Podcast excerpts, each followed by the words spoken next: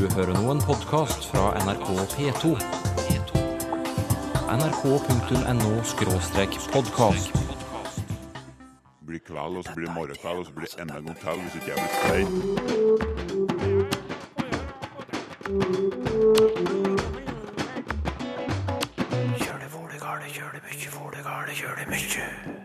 Liksom er fyllordenes versting.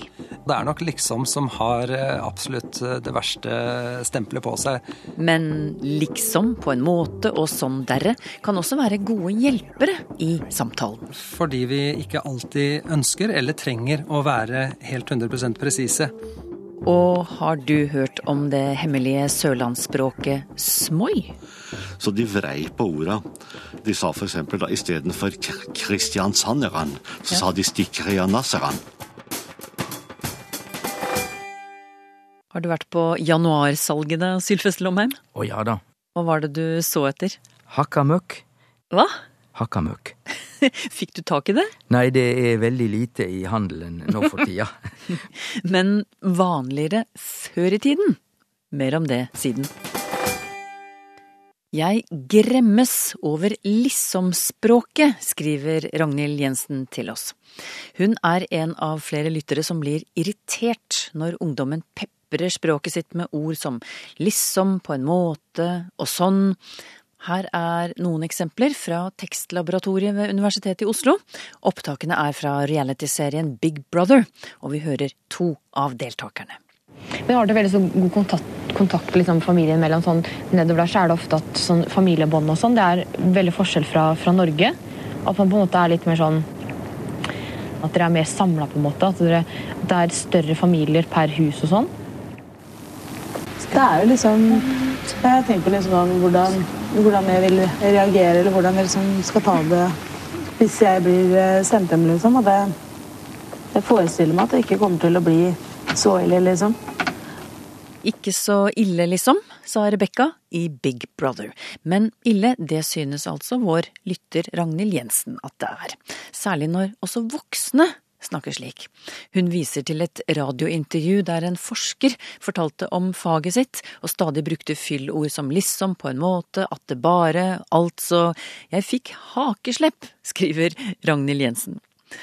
Jan Svennevig ved Universitetet i Oslo er språkforsker med samtalen som et av sine spesialfelt. Hva er din reaksjon på brevet fra lytteren vår, Jan Svennevig? Jo, generelt så er nå jeg eh, fyllordenes eh, forsvarer, eh, og kan jeg fortelle litt mer om dem etter hvert. Men jeg kan nok være enig i henne at eh, særlig når man forventer presisjon fra f.eks. For en forsker eller fra en fagperson eller en politiker, så ønsker man ikke at ting skal være veldig omtrentlige. Da forventer man eh, som sagt faglig holdbarhet og presisjon, og vil ikke ha ting moderert eller gjort eh, vage eh, sånn, med, med fyllord. Så jeg er enig med henne i at i mange sammenhenger så er det et ideal å være presis og klar. Men som sagt, jeg er også da opptatt av at i mange sammenhenger så er ikke det det viktigste med kommunikasjonen å være presis og eksakt. Og da eh, syns jeg det er fint at vi har ord som kan signalisere det. Ja, du, For å ta akkurat dette begrepet fyllord, det har du fortalt meg at det er ikke du så veldig glad i. Hvorfor ikke? Nei, det uttrykker jo at de ikke har noen betydning. At de bare er noe vi fyller inn med, eh, og at det er meningsløst. Og jeg har da brukt en del år på å nettopp søke etter betydningen av sånne ord. Og det interessante er jo nettopp at de eh, signaliserer ikke nødvendigvis kunnskap om verden, men kunnskap om våre holdninger til det vi sier. eh, Hvor sikre vi er på vår sak, eller eh, om vi regner med at samtalepartneren er enig med oss eller ikke, og sånne ting. Eh, Før vi går videre, hva skal vi si i stedet for fyllord, da? I resten, resten av intervjuet? Ja, et ord eh, som blir mye brukt, er gardering. At vi garderer oss. Vi vil ikke være for bastante, så vi, vi, vi garderer oss med garderinger. Så hvorfor putter vi da slike ord som liksom og på en måte inn i setningene våre når vi snakker? Jo, som sagt så er det fordi vi ikke alltid ønsker eller trenger å være helt 100% presise. I mange sammenhenger så kjenner vi samtalepartneren vår. Eh, Vi vet at samtalepartneren kjenner oss så godt at de skjønner hva vi sier, uten at vi trenger å si det eksplisitt. Hva oppnår vi med det, da? Eh, Vi kan oppnå å spare litt tid og krefter på å ikke bruke tid på å si ting som den andre vet allikevel. Og sånn sett så kan vi også unngå å kjede samtalepartneren ved å regne med at den andre skjønner oss, eh, med å være litt mer omtrentlig enn vi kunne ha vært. Gi oss noen eksempler på hvordan dette fungerer.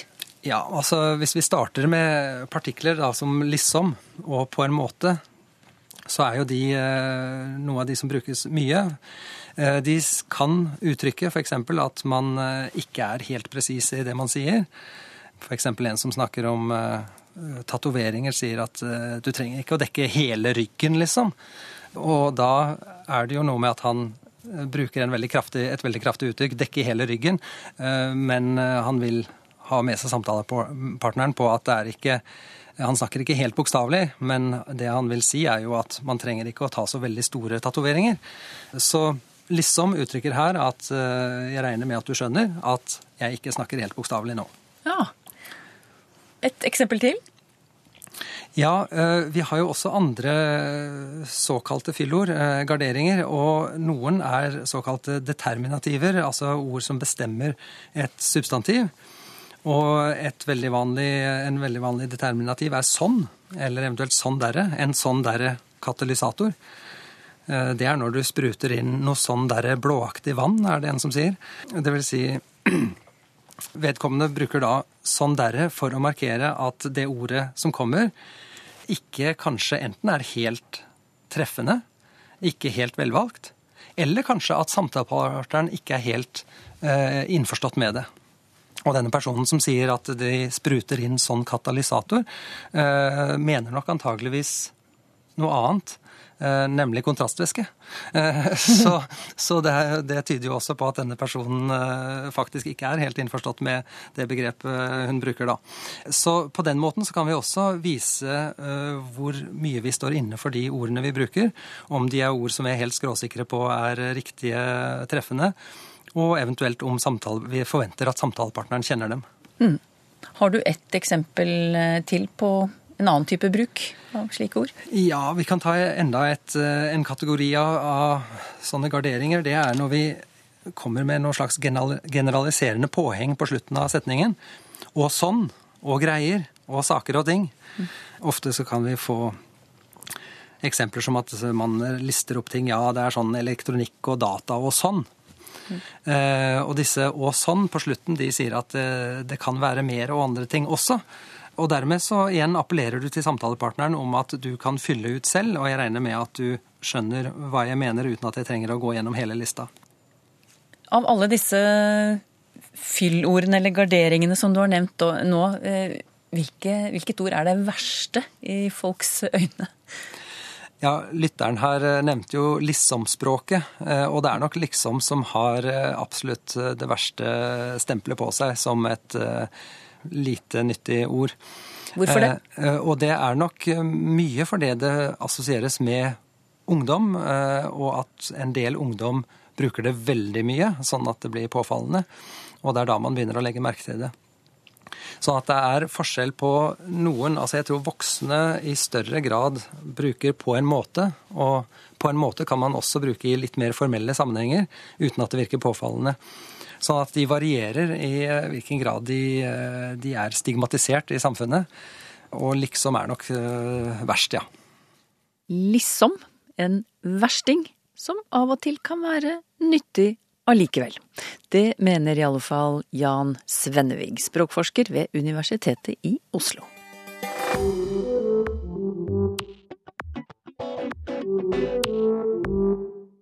Når vi er ute i, i liksom storsamfunnet, så har vi vel en tendens til å ville være litt privat. Og det er noe vi vil si da, som vi ikke vil andre skal skjønne, så bruker vi da rotepall. Hva betyr det? Det betyr da romanispråket. Da roter vi til hverandre, som vi sier.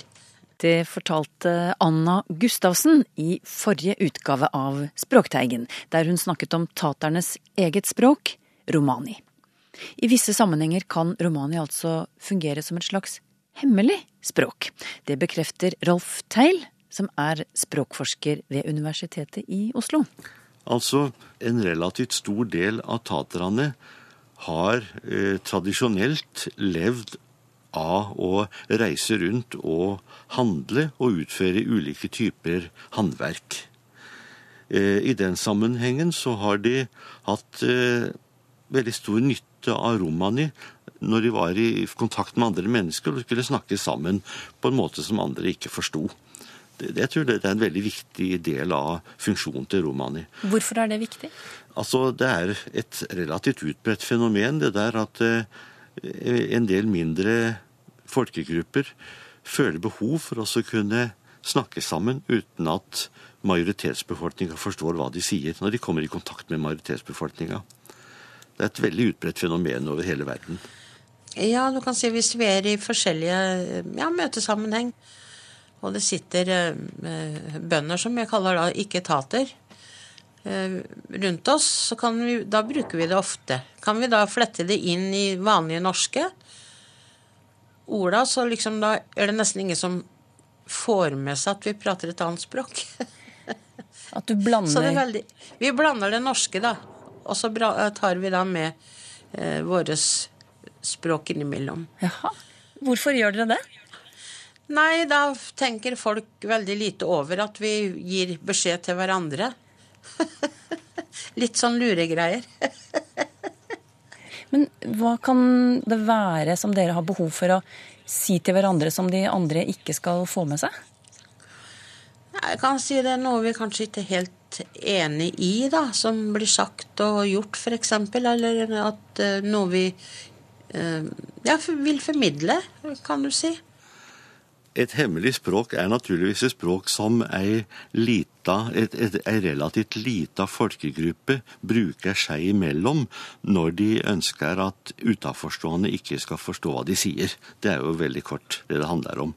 Jeg kunne ta et konkret eksempel som er litt på sida av taterne, nemlig et språk som er til dels kjent, som har vært omtalt i NRK tidligere, nemlig språket smoi, som ble brukt i Mandal kanskje særlig før første verdenskrig og en lengre tid tilbake, men det skal visstnok fortsatt finnes folk i Mandal som kan litt av det. Og det det, det heter så er at eh, det var handelsfolk, sånn torvhandlere f.eks. i Mandal, som brukte det når de ønska at folk fra Kristiansand eller bøndene på landsbygda rundt der ikke skulle forstå hva de sa. Så de vrei på orda. De sa f.eks. istedenfor Kristiansanderan, så sa de stikkrianasseran. Aha. De snudde på konsonantene. så de skulle da Eller når de skulle Åssen var det de sa det? Dysende nøbban istedenfor snyde bøndene. Så det er eh, nettopp det her med at de, de, de vrei på orda. De, I det tilfellet sånn så, så at de bytta om konsonantene eh, to og to utover i ordet. Stikkrianasseran istedenfor kristiansanderan. og det blir jo da ganske ubegripelig for den som ikke er vant til det systemet. Så det var nede på Sørlandet. Hvilke Ja. andre hemmelige språk har vi hatt i Norge, da? Eh, Jeg kan begynne med rodi. Det er språket til de omreisende folka på, primært på Sørlandet. Det, er, eh, det ligner på veldig mange vis på romani, men det skiller seg særlig ut i ordforrådet ved at det, andelen av opprinnelige romaniord er litt mindre, mens andelen av bl.a. Eh, sånne ting som tysk er mye større. Men er det et språk eh, som eksisterer i dag? Eh, En regner i grunn med at det ikke finnes lenger i noe særlig grad. At det har blitt borte. Og det andre, da? Det var Monsing, Ja. det er altså et språk som tradisjonelt har blitt brukt mellom tivoli og sirkusfolk her til lands. Altså Det er også sånne små miljøer som har hatt behov for å kunne snakke sitt eget språk. Kanskje nettopp i sånne handelstransaksjoner med utenforstående så kunne det være greit å kunne snakke sammen. Og, og da brukte de altså en sånn blanding av kråkemål og, og lån fra romani og tysk og finsk og samisk og alt hva de kunne tenke seg Har du noe eksempel på det? Brukte veldig mye ordkamuflasje, sånn som f.eks. typen spytegrill istedenfor gryte. En ser hva jeg gjør her, altså ta gryte, og så sier vi altså GR, det flyt- flytter vi helt på slutten, og så setter vi SP på begynnelsen, og så setter vi LL på slutten, så får vi spytegrill. Du snur på orda på det viset der, eller på samme måten som en gjør i Smoi i Mandal. Alle sånne ulike typer mekanismer. Eller f.eks. at en legger til ei ending Eh, Romani har også en del sånne ord som er lånt fra norsk, der de har altså eh, lagt til noe på slutten for å kamuflere det norske ordet. F.eks. at vi sier eh, ja, brutla, for eksempel for bru. Og, og en del sånne saker. For også å gjøre språket uforståelig for utenforstående. Norsk har jo også den I mange sammenhenger så kan vi også bruke norsk som hemmelig språk når vi er i utlandet. Når vi er i England eller Frankrike eller Tyskland. Vi, så, ha, så, er det veldig ofte praktisk å kunne snakke norsk sammen for å få sagt ting som vi ønsker at ikke andre skal forstå. Det er sånn som de sikkert de fleste av oss har opplevd. Og så bare håpe på at eh, det er ingen som tilfeldigvis ja. kan norsk ja, nettopp, blant dem nettopp, som står i nærheten. Nettopp, ja da. Og jeg vet det, sånn som En leser om en del av de mindre samiske språka har også ofte samme funksjon. Det står i Bergslands røroslapiske gram, grammatikk fra 1946 at eh, rørosamene brukte sørsamisk seg imellom nettopp i situasjoner der eh, nordmennene ikke skulle forstå hva de sa. Det fortalte språkforsker Rolf Teil ved Universitetet i Oslo. Apropos hemmelig språk, jeg hørte en gang om en islandsk familie på ferie i New York. Inne i en butikk var servicen elendig, de ble stående ved disken og vente og vente mens alle andre ble ekspedert. Til slutt kokte det over for en av islendingene. Han lirte av seg noen temmelig fornærmende gloser, på sitt eget mål naturligvis, hvorpå ekspeditrisen setter blikket i ham og svarer tilbake på perfekt islandsk. Hemmelig språk, ikke helt risikofritt, med andre ord. Så var det lytterspørsmål, da, Sylfus Lomheim. Først til Stig Bjørnar Karlsen, som skriver. Det selger som hakka møkk, er et vanlig uttrykk. Men jeg kan ikke huske å ha kjøpt det noen gang. Så hvor stammer uttrykket fra? Nei, det er veldig lite i handelen nå for tida. og det er fordi at nå bruker vi veldig mye kunstgjødsel når vi skal gjødsle. Men dette uttrykket og dette fenomenet hører til tida før det ble vanlig med kunstgjødsel i jordbruket vårt. Fordi hakka møkk, det var noe som ble brukt for å gjødsle i jordbruket. Og det var gjødsel som seilskutene tok med fra Sør-Amerika, det er rett og slett avføring fra sjøfugl, store sjøfugler, som lå som eh, hardt eh, lag, eh, stivna på, på, fjell og på øyer eh, langs kysten i Sør-Amerika. Og derfor måtte sjøfolka hakka løs denne her eh, fuglemøkka før de tok om bord i båtene. Så derfor var dette hakka møk, og det var veldig populært når, det kom, eh, når dette produktet kom hjem til, til, landet vårt, så derfor gikk det som hakka møk.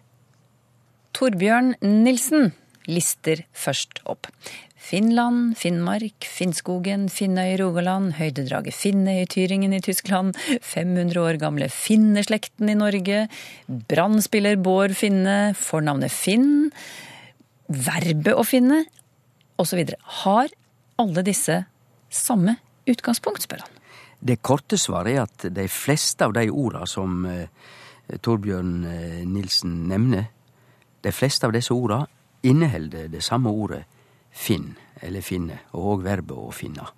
For det er det det gjelder om. Også når det gjelder Finland og Finnmark.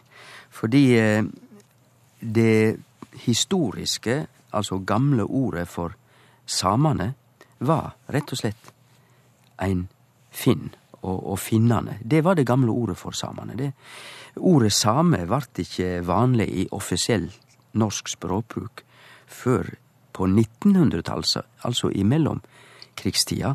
Det er mange som ikke husker på det, at samisk og same er et nytt ord i offisiell norsk. Jeg er jo så gammel at husker eh, misjonsforeningene på Vestlandet eh, like etter krigen, og de heter rett og slett Finnemisjon, ikke Samemisjon. Så sånn, sånn er det.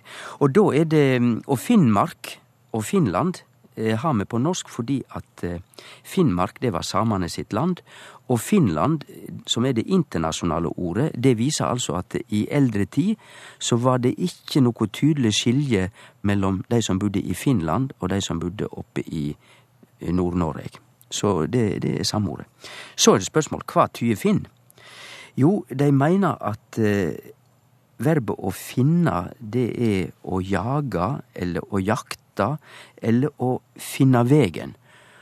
Og det viser igjen at eh, det er slik naboene til disse folka har oppfatta var det typiske for finnene. De var flinke til å finne veg, til å jakte, til å ta seg fram og eh, til å jage. Mannsnavnet Finn er det samme, og mange rekner med at eh, det i starten har vært et tillegg, altså et tilleggs Den og den Finne, altså la oss si Olav Finne. Da var det en mann som het Olav, og han var same. Men etter hvert så har Finne da blitt et ordinært eh, navn. Altså ordet Kåre eller Snorre er samme type navn. Det var tilnavn. Snorre var den som snurra.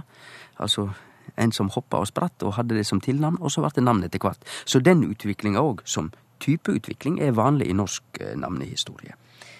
Knut D. Asplund syns det er merkelig at en som kommer fra Indonesia, kalles indonesier, som det står i norsk rettskrivning, bemerker han. Jeg skriver konsekvent indoneser, sier han. Og så lurer han på om det er bare han som synes indonesier og indonesiere klinger rart. Nei, det kan sikkert være flere, og det er sikkert eh, flere òg som skriver indoneser i stedet for indonesier på bokmål, da.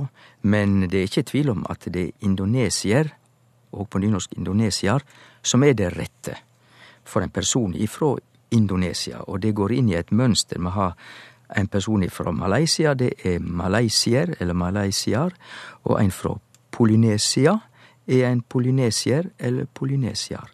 Men jeg må si en til til Knut Asplund, og det er at dette er et veldig vanskelig område. For vi veit jo alle at det kjem nye nasjonalitetsnavn inn pga. politiske skifte og sånn. Så dette er vanskelig. Jeg kan i grunnen bare gi ett råd til de som vil være sikre på at de får de rette nasjonalitetsorda og adjektiva. Det er å følge med på nettsidene til Språkrådet. Der er det liste over nasjonalitetsord. For vi veit jo alle at for eksempel Burma heiter det ikke nå i norsk, og ikke burmeser eller burmesisk. Nå heiter det Myanmar og myanmarsk og myanmarar. Og det er på grunn av politiske skifte, så dette er ikke lett område å følge med på. Svein Kvale jr. mener at godt språk bl.a. betyr at man er konsekvent i valg av stil og form, der det er flere muligheter. Og han stusser bl.a. på eh, hvordan vi omtaler det som ligger frem, eller som han skriver, fram i tid. Fremtiden og framtida er konsekvente former, skriver han. Men eh, han hører at folk sier både framtiden og fremtida, og han sier det kan nesten virke som om språkbrukerne legger seg i midten på denne måten for verken å virke for konservative eller for radikale. Og så vil han ha din kommentar, Sylfest. Mm, da er det slik at i prinsippet så er jo slik at både fremtida og framtida og framtiden og framtida, alle disse fire formene er i prinsippet korrekte. Men det Svein Kvaløy er ute etter, er jo stilkjensle. Og der må jeg si at uh, ordet fremtida, den skurrer nok i øyret til mange språkbrukere i norsk, fordi at tida vil mange oppfatte som ei relativt felles norsk og folkelig form. Frem er jo ikke spesielt eh, folkelig, det er dansk opphavlig, og den vanlige i norsk er fram. De er likestilte, men det er slik eh, status de har. Og det betyr at kombinasjonen frem og tida ikke er stilistisk slik at vi Den er ikke stilistisk slik som vi venter det. Men framtiden og framtida, den er mykje mer uproblematisk. Det er, som Svein Kvaløy sier, vanlig å høre begge. Så vi må skilje her i norsk mellom det som i prinsippet går an å kombinere, og det som svarer til språkkjensla hos folk, og det er jo det siste vi må tenke på når vi òg tenker på konsekvens i språket. På Facebook skriver Sigrid Lund man reklamerer for noe man mener er bra, men man reklamerer også på noe som er dårlig. Hvordan kan ordet bli brukt på begge måter? Da må vi til eh, utgangspunktet latin reklamare, og det betyr Klamare betyr å rope, og re tilbake. Altså egentlig tyde reklamare, og ropa tilbake. Og da kan vi forstå at eh, å reklamere kan ha to tydingar. Den ene, å reklamere for ei vare, er jo å rope ut om vara at den er flott. Kom og kjøp. Men å reklamere på ei vare, da roper du tilbake. Du er ikke nøgd, du klager. Så vi kan ha begge disse bruksmåtene i norsk. Uttrykket 'å hanskes med', hvor har vi det fra, spør Eir Mariann Widsten. Det kan han godt forstå det blir spurt om, og å hanskast med, som jeg ville seie på nynorsk, vi har det rett og slett fra norsk, fra det norske ordet hanske. Men ordet hanske har vi historisk sett fra tysk, for det tyske ordet var egentlig handsjo, altså en sko for handa. Og det er jo det en hanske egentlig er, du trer han på handa. Så det er bakgrunnen for ordet hanske. Men å hanskast med, der kan vi bruke et annet ord på norsk, å hantere, og da er det rett og slett ordet hand som er til grunn for det verbet. Og når vi sier å hanskast med, så legger vi nok litt noe annet i det enn å hantere. Å hantere noe, det betyr å behandle, ta seg av, eller hva vi nå skal si. Men å hanskast med, der ligger det noe mer at det er ei utfordring, og du takler den. Du, du meistrar det, du greier det. Har du spørsmål til Språkteigen? Skriv til Teigen, krøllalfa nrk.no, eller til Språkteigen, NRK P2, 7005, Trondheim. Så finner du oss også på Twitter og på Facebook. Dette var et gjenhør fra 20. januar i fjor. Neste gang blir det fersk sending, både om dannet vestkanttale og om ungdomsslang. Språkteigen om én uke.